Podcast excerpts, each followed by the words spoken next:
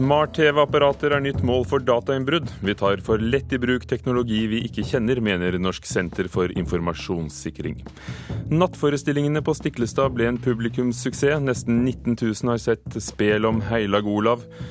En overraskende, befriende og annerledes opplevelse, sier vår kunstkritiker etter å ha besøkt årets store internasjonale kunstbegivenhet, biennalen i Venezia.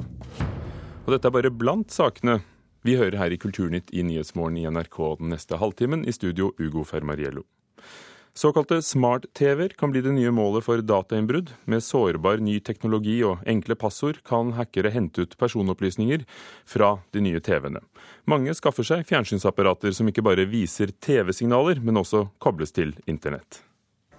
Alle de her er egentlig smart-TV på et eller annet sett. da. Ulike nivåer på smart-TV, kan man si. Med ulike smarte. Eh, det smarteste vi har. Vi er i en elektronikkbutikk på Majorstua i Oslo. På veggen foran oss henger tett i tett med flate skjermer som viser krystallklare TV-bilder. Så den har en kamera på toppen, så den er veldig smart. Den har bevegelsesstyring og stemmestyring. Um, Skype. Har du Skype-kamera på toppen, så du kan skype helt enkelt. Veldig smart. Med noen få trykk på fjernkontrollen får Robin Emilsson ikke bare TV-signaler, men også tilgang til internett med strømningstjenester, sosiale medier og spill. Tall fra elektronikkbransjen viser at det i 2012 ble solgt nesten 300 000 smarte TV-er i Norge. Altså TV-er med ekstrafunksjoner og muligheter for internett. I 2013 er dette tallet spådd å øke med 15 med slike TV-er er det også mulig å hacke.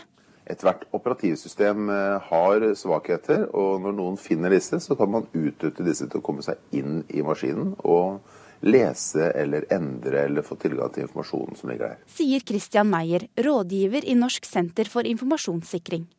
Han mener vi bør være mer obs når det kommer ny teknologi som vi tar med inn i stua. Folk bruker jo etter hvert eh, TV-en som en PC. Du kan jo sitte og surfe på, på, nettsider, du kan være på Facebook, du kan lagre brukernavn og passord i, i TV-en din på samme måte som på telefonen din. Da begynner det etter hvert å samle seg opp mye sensitiv informasjon som kan uh, misbrukes til identitetstyveri og annen type misbruk av dine konto. Det gibt mehrere Möglichkeiten, Smart TVs zu hacken. Martin Herford foreleser i datasikkerhet ved Universitetet i Salzburg og har holdt foredrag om hacking. På sine nettsider beskriver han flere teknikker som kan brukes for å hacke seg inn i TV-apparater. Han mener det trengs mer sikring både fra nettleverandører og fra TV-produsentene sin side for å hardne systemene. falsche Dersom man benytter seg av de mange mulighetene som TV-en gir, lagrer vi mer informasjon i TV-en enn vi kanskje tror. Tradisjonelt så tar vi i bruk ny teknologi før vi tenker over konsekvensene av hvordan denne bruken faktisk eh, kan, kan påvirke oss. Vi er eh, veldig teknologihungrige, og da fyrer vi i gang og bruker ting eh, kanskje litt for ukritisk, helt til vi ser de første store eksemplene på hvor feil det kan gå. For å sikre oss mot angrep er det viktig å oppdatere programvaren ofte og velger vanskeligere passord enn det standardpassordet som ofte følger med. Men det Christian Meyer kanskje syns er mest skummelt, er Det litt mer scary er å tenke seg at de kan få tilgang til kamera og lyden på TV-en din og sitte og overvåke det som foregår i stua di. Det bekymrer derimot ikke Robin på Majorstua. Han er ikke redd for hackerangrep. Dessuten kan de nyeste TV-ene faktisk fjerne kamera når det ikke er i bruk. For modellen Tidligere så hadde de en fast kamera som satt på toppen, som de gjør noe med. Så de blir så paranoide folk. For disse TV-ene er jo veldig smarte. Mye smartere enn visse mennesker, til og med. Smartere enn folk, TV-ene altså. Reporter Ina Charlotte Fjellhøy.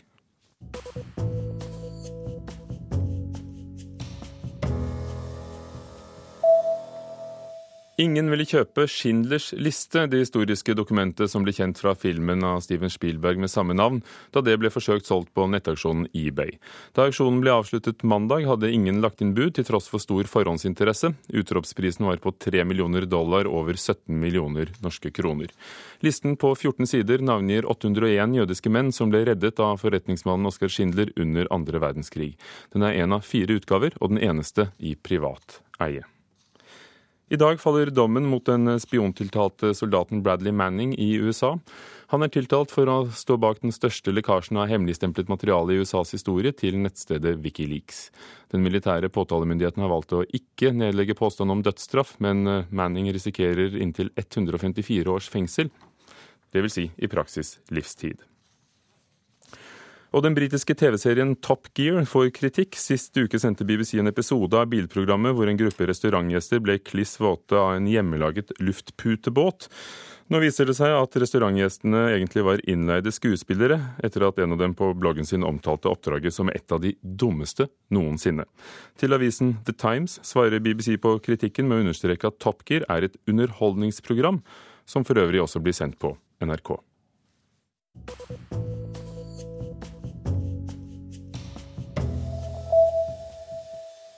Årets utgave av spillet om Olav den hellige, Spel om Heilag Olav, ble en publikumssuksess. I år ble spillet på Stiklestad for første gang spilt om natten, med lys og delvis ny musikk.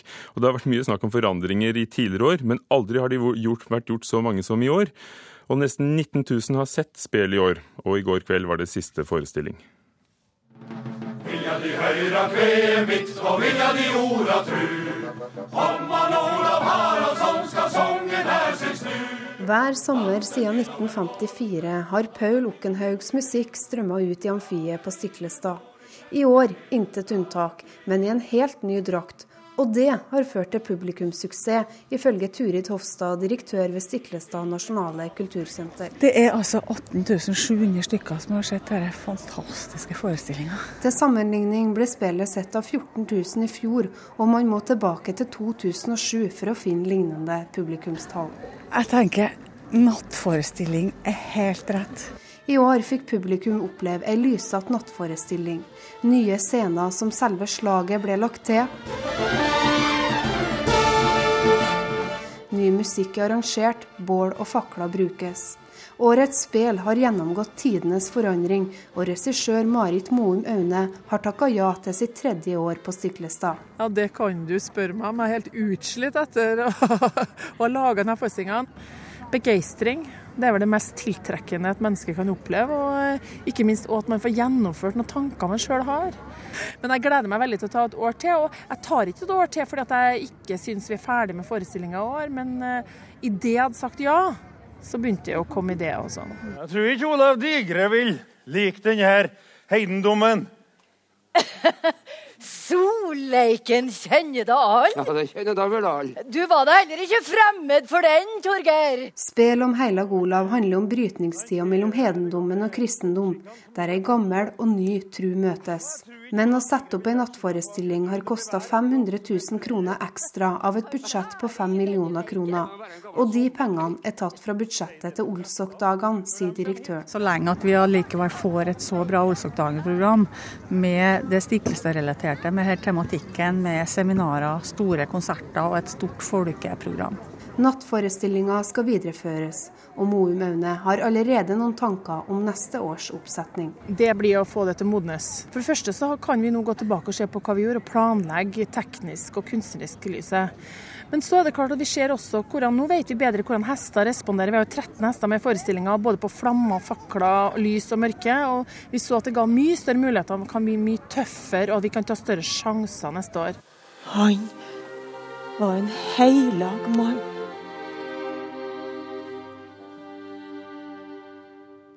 Og før dette siste hørte vi regissør Marit Moum Aune etter årets utgave av Spel om Heilag Olav og reporter på Stiklestad, Kaja Kristin Næss. Du hører på Nyhetsmorgen i NRK. Klokken nærmer seg 13 minutter over åtte. Overskriften i dag. Minst 15 personer er savnet, og lokalbefolkningen blir evakuert etter flere eksplosjoner ved et gassanlegg utenfor Orlando i Florida, USA. Arbeidsinnvandringen øker. Byggenæringens landsforening mener myndighetene ikke gjør nok for å sikre at gjestearbeiderne har nok kompetanse. Det vi ser er at mange av håndverkerbransjene i dag er direkte trua eh, av den arbeidsinnvandringa som kommer hit.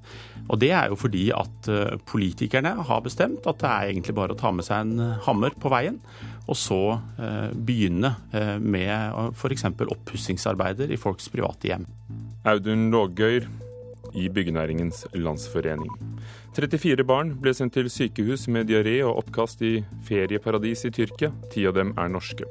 Og høytlesning blir satt i system på biblioteker. I Bergen og over hele Europa skal vi høre senere i Kulturnytt. Politiet bruker inntil fem ganger lengre tid på å oppklare kulturminnekriminalitet enn andre lovbrudd.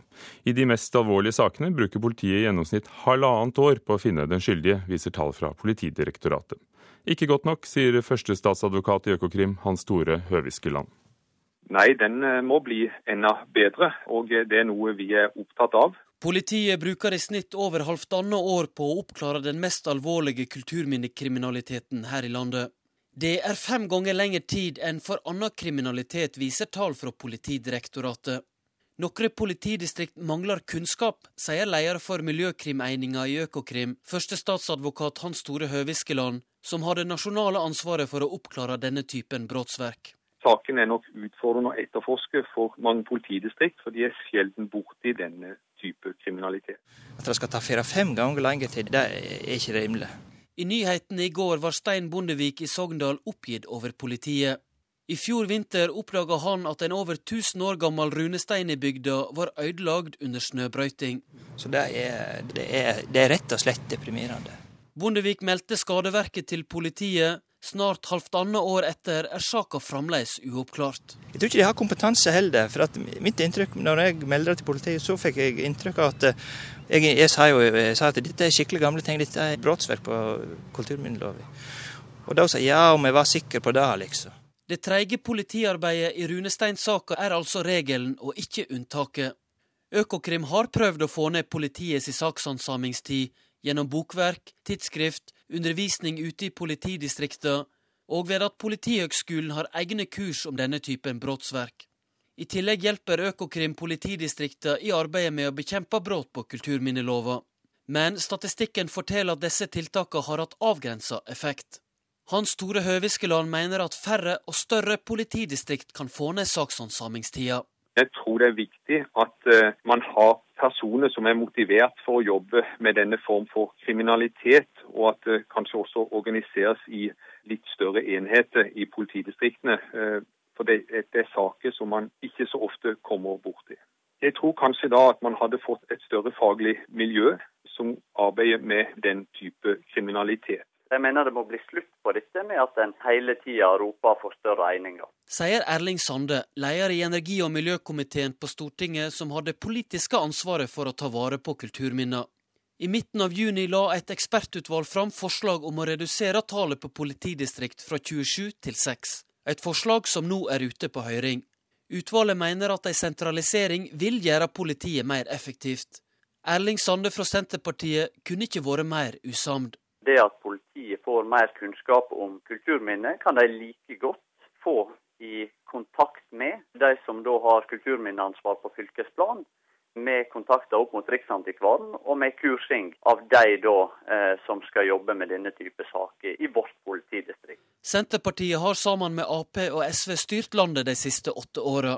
Erling Sande vedgår at de rød-grønne ikke har gjort nok for å få ned tida politiet bruker på å oppklare skadeverk på kulturhistoriske klenodium. Men jeg har jo lyst til å vise til den styrkinga politiet har hatt, både i form av stillinger og i form av ressurser de senere åra.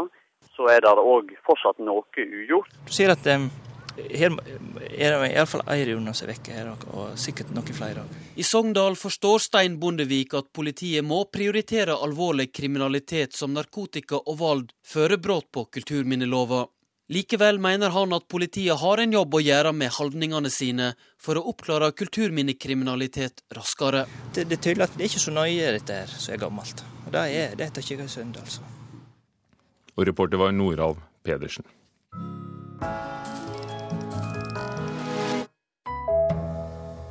En amerikansk kvinne i slutten av 50-årene er arrestert for å ha vandalisert kjente landemerker i USAs hovedstad Washington. To kapelloer og to statuer ble tilsølt med grønn maling i løpet av den siste uken. Det vil ta flere dager å vaske minnestatuen av den tidligere presidenten Abraham Lincoln. Og den danske skuespilleren Lars Mikkelsen blir Sherlock Holmes sin nemesis i neste sesong av BBCs krimdrama Sherlock. Mikkelsen, som er kjent fra serier som Forbrytelsen og Krøniken, skal spille rollen som Charles Augustus Magnussen. Skurkerollene hoper seg dermed opp for familien Mikkelsen for tiden. Lillebror Mats Mikkelsen skal i gang med en ny sesong som Hannibal Lekter i den amerikanske TV-serien Hannibal.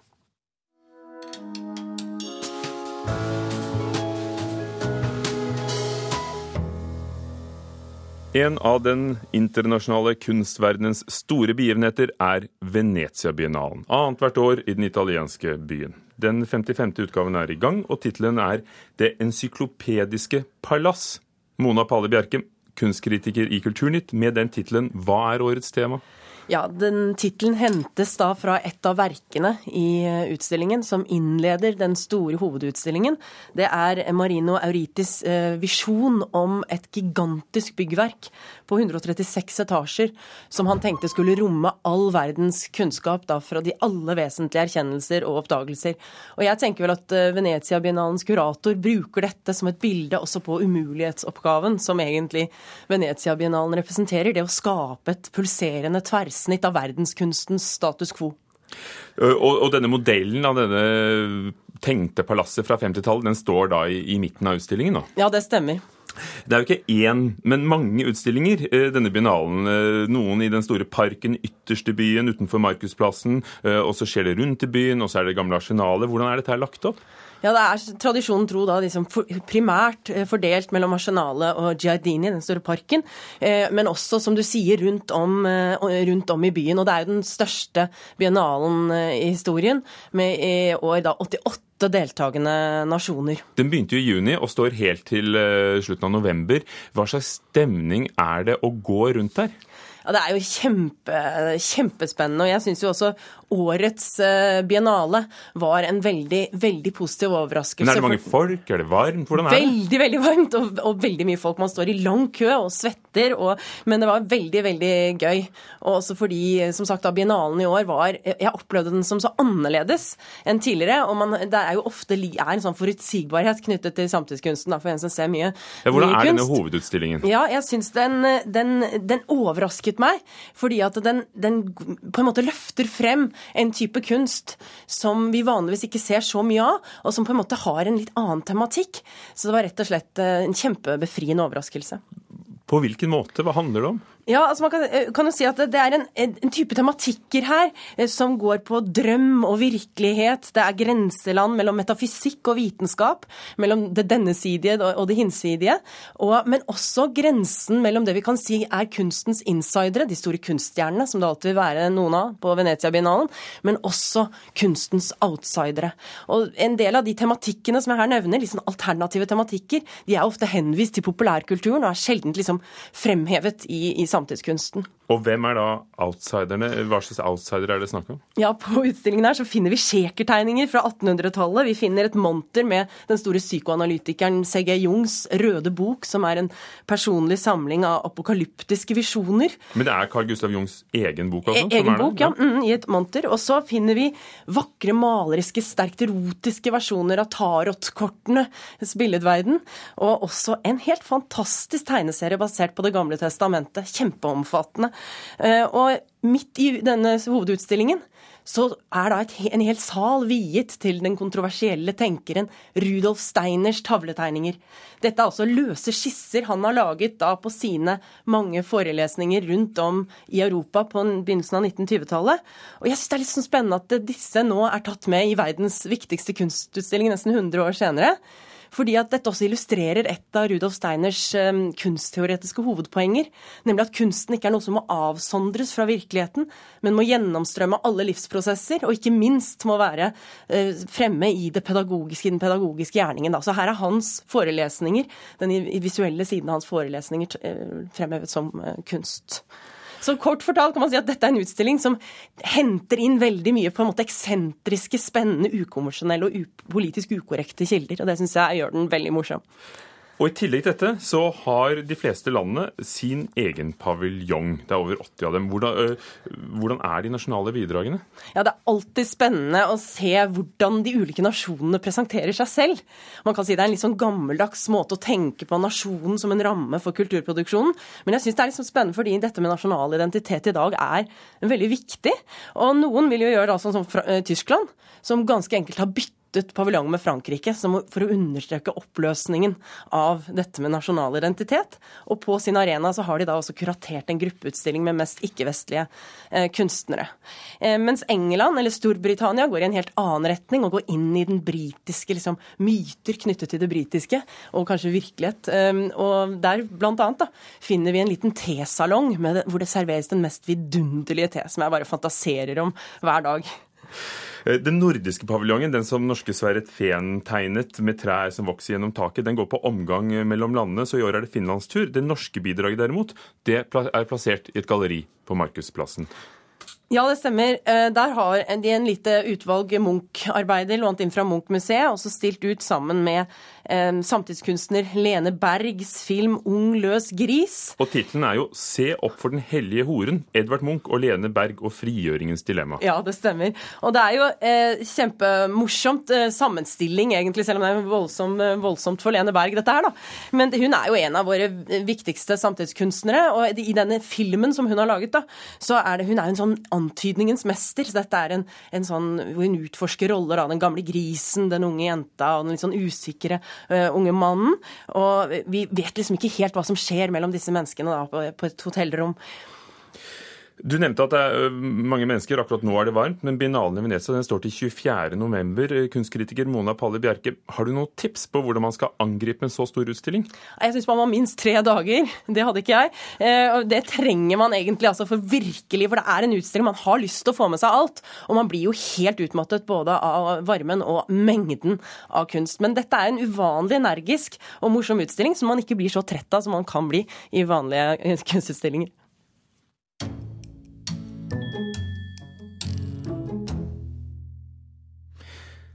Vi skal til Bergen. Biblioteket i Bergen vil nemlig ha flere til å lese høyt. Denne uken eh, starter de en avstemning for å velge en bok som de skal få bergenserne til å lese høyt sammen. Og I løpet av høsten skal dette bli både til en video på nettet og en installasjon på biblioteket. Det her er jo det som vi har tenkt skal eh, bli om til eh, selve installasjonen. Prosjektleder Charlotte Myrbråten viser et hjørne av lokalhistorisk avdeling på Bergen offentlige bibliotek.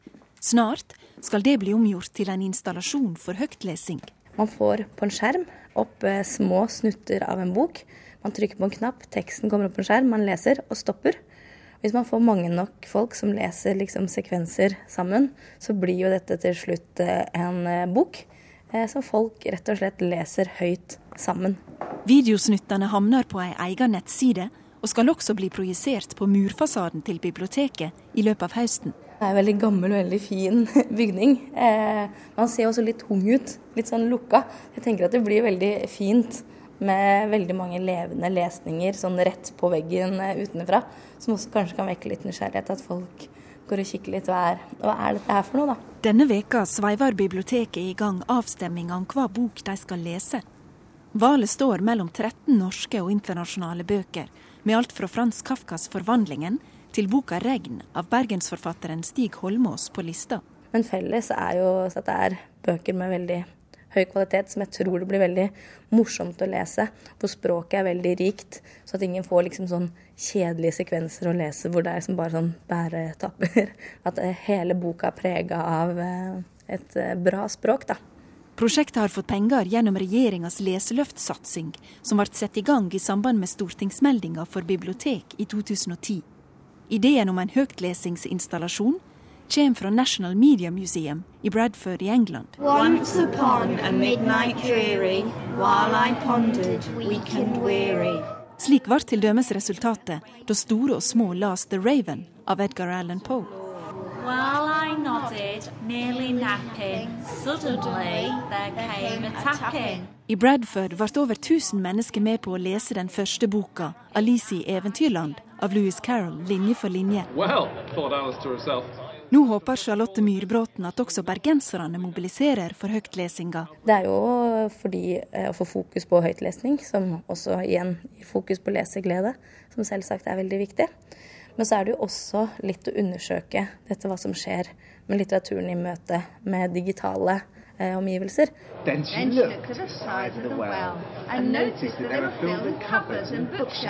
Biblioteksjef Leikny Haga Indergård mener slike eksperimentelle prosjekt er en viktig oppgave for biblioteka. I Norge så leser vi jo mye, og det er en stor interesse for litteratur. Men det er ikke alle som leser. Eh, og vi har biblioteker som oppgave å fremme lesing og litteratur. Og da må vi gjøre noe mer enn bare bøker i bokhyllene. Internasjonalt foregår det nå en rekke kampanjer for å få flere til å lese høyt. Ifølge den ideelle organisasjonen Read Aloud gjør høytlesing at barn lærer språk raskere, og de klarer seg bedre både i barnehagen og på skolen når foreldre har lest høyt for dem. I Bergen vil de også at voksne skal lese mer høyt for sin egen del. Det er ikke bare for barn som fortjener å bli lest eh, høyt eh, for. Jeg er veldig veldig glad i å lese både høyt og bli lest for. Eh, og vi håper jo at flere også skal liksom få litt øynene eh, opp, opp for det. da. Og reporter i Bergen, Turi Rogne. Kulturnytt i kortformat. Fjernsynsapparater som kobles til internett er utsatt for datainnbrudd. Nattforestilling på Stiklestad trakk flere i publikum enn vanlig. Større politidistrikt vil gi raskere oppklaring av kulturminnekriminalitet, mener Økokrim. Og årets Venezia-biennale er overraskende og befriende, sa vår kunstkritiker i Kulturnytt, som var ved produsent Gjermund Jappé, teknisk ansvarlig Frode Thorshaug og programleder Ugo Fermariello. Og dette er Nyhetsmorgen i NRK.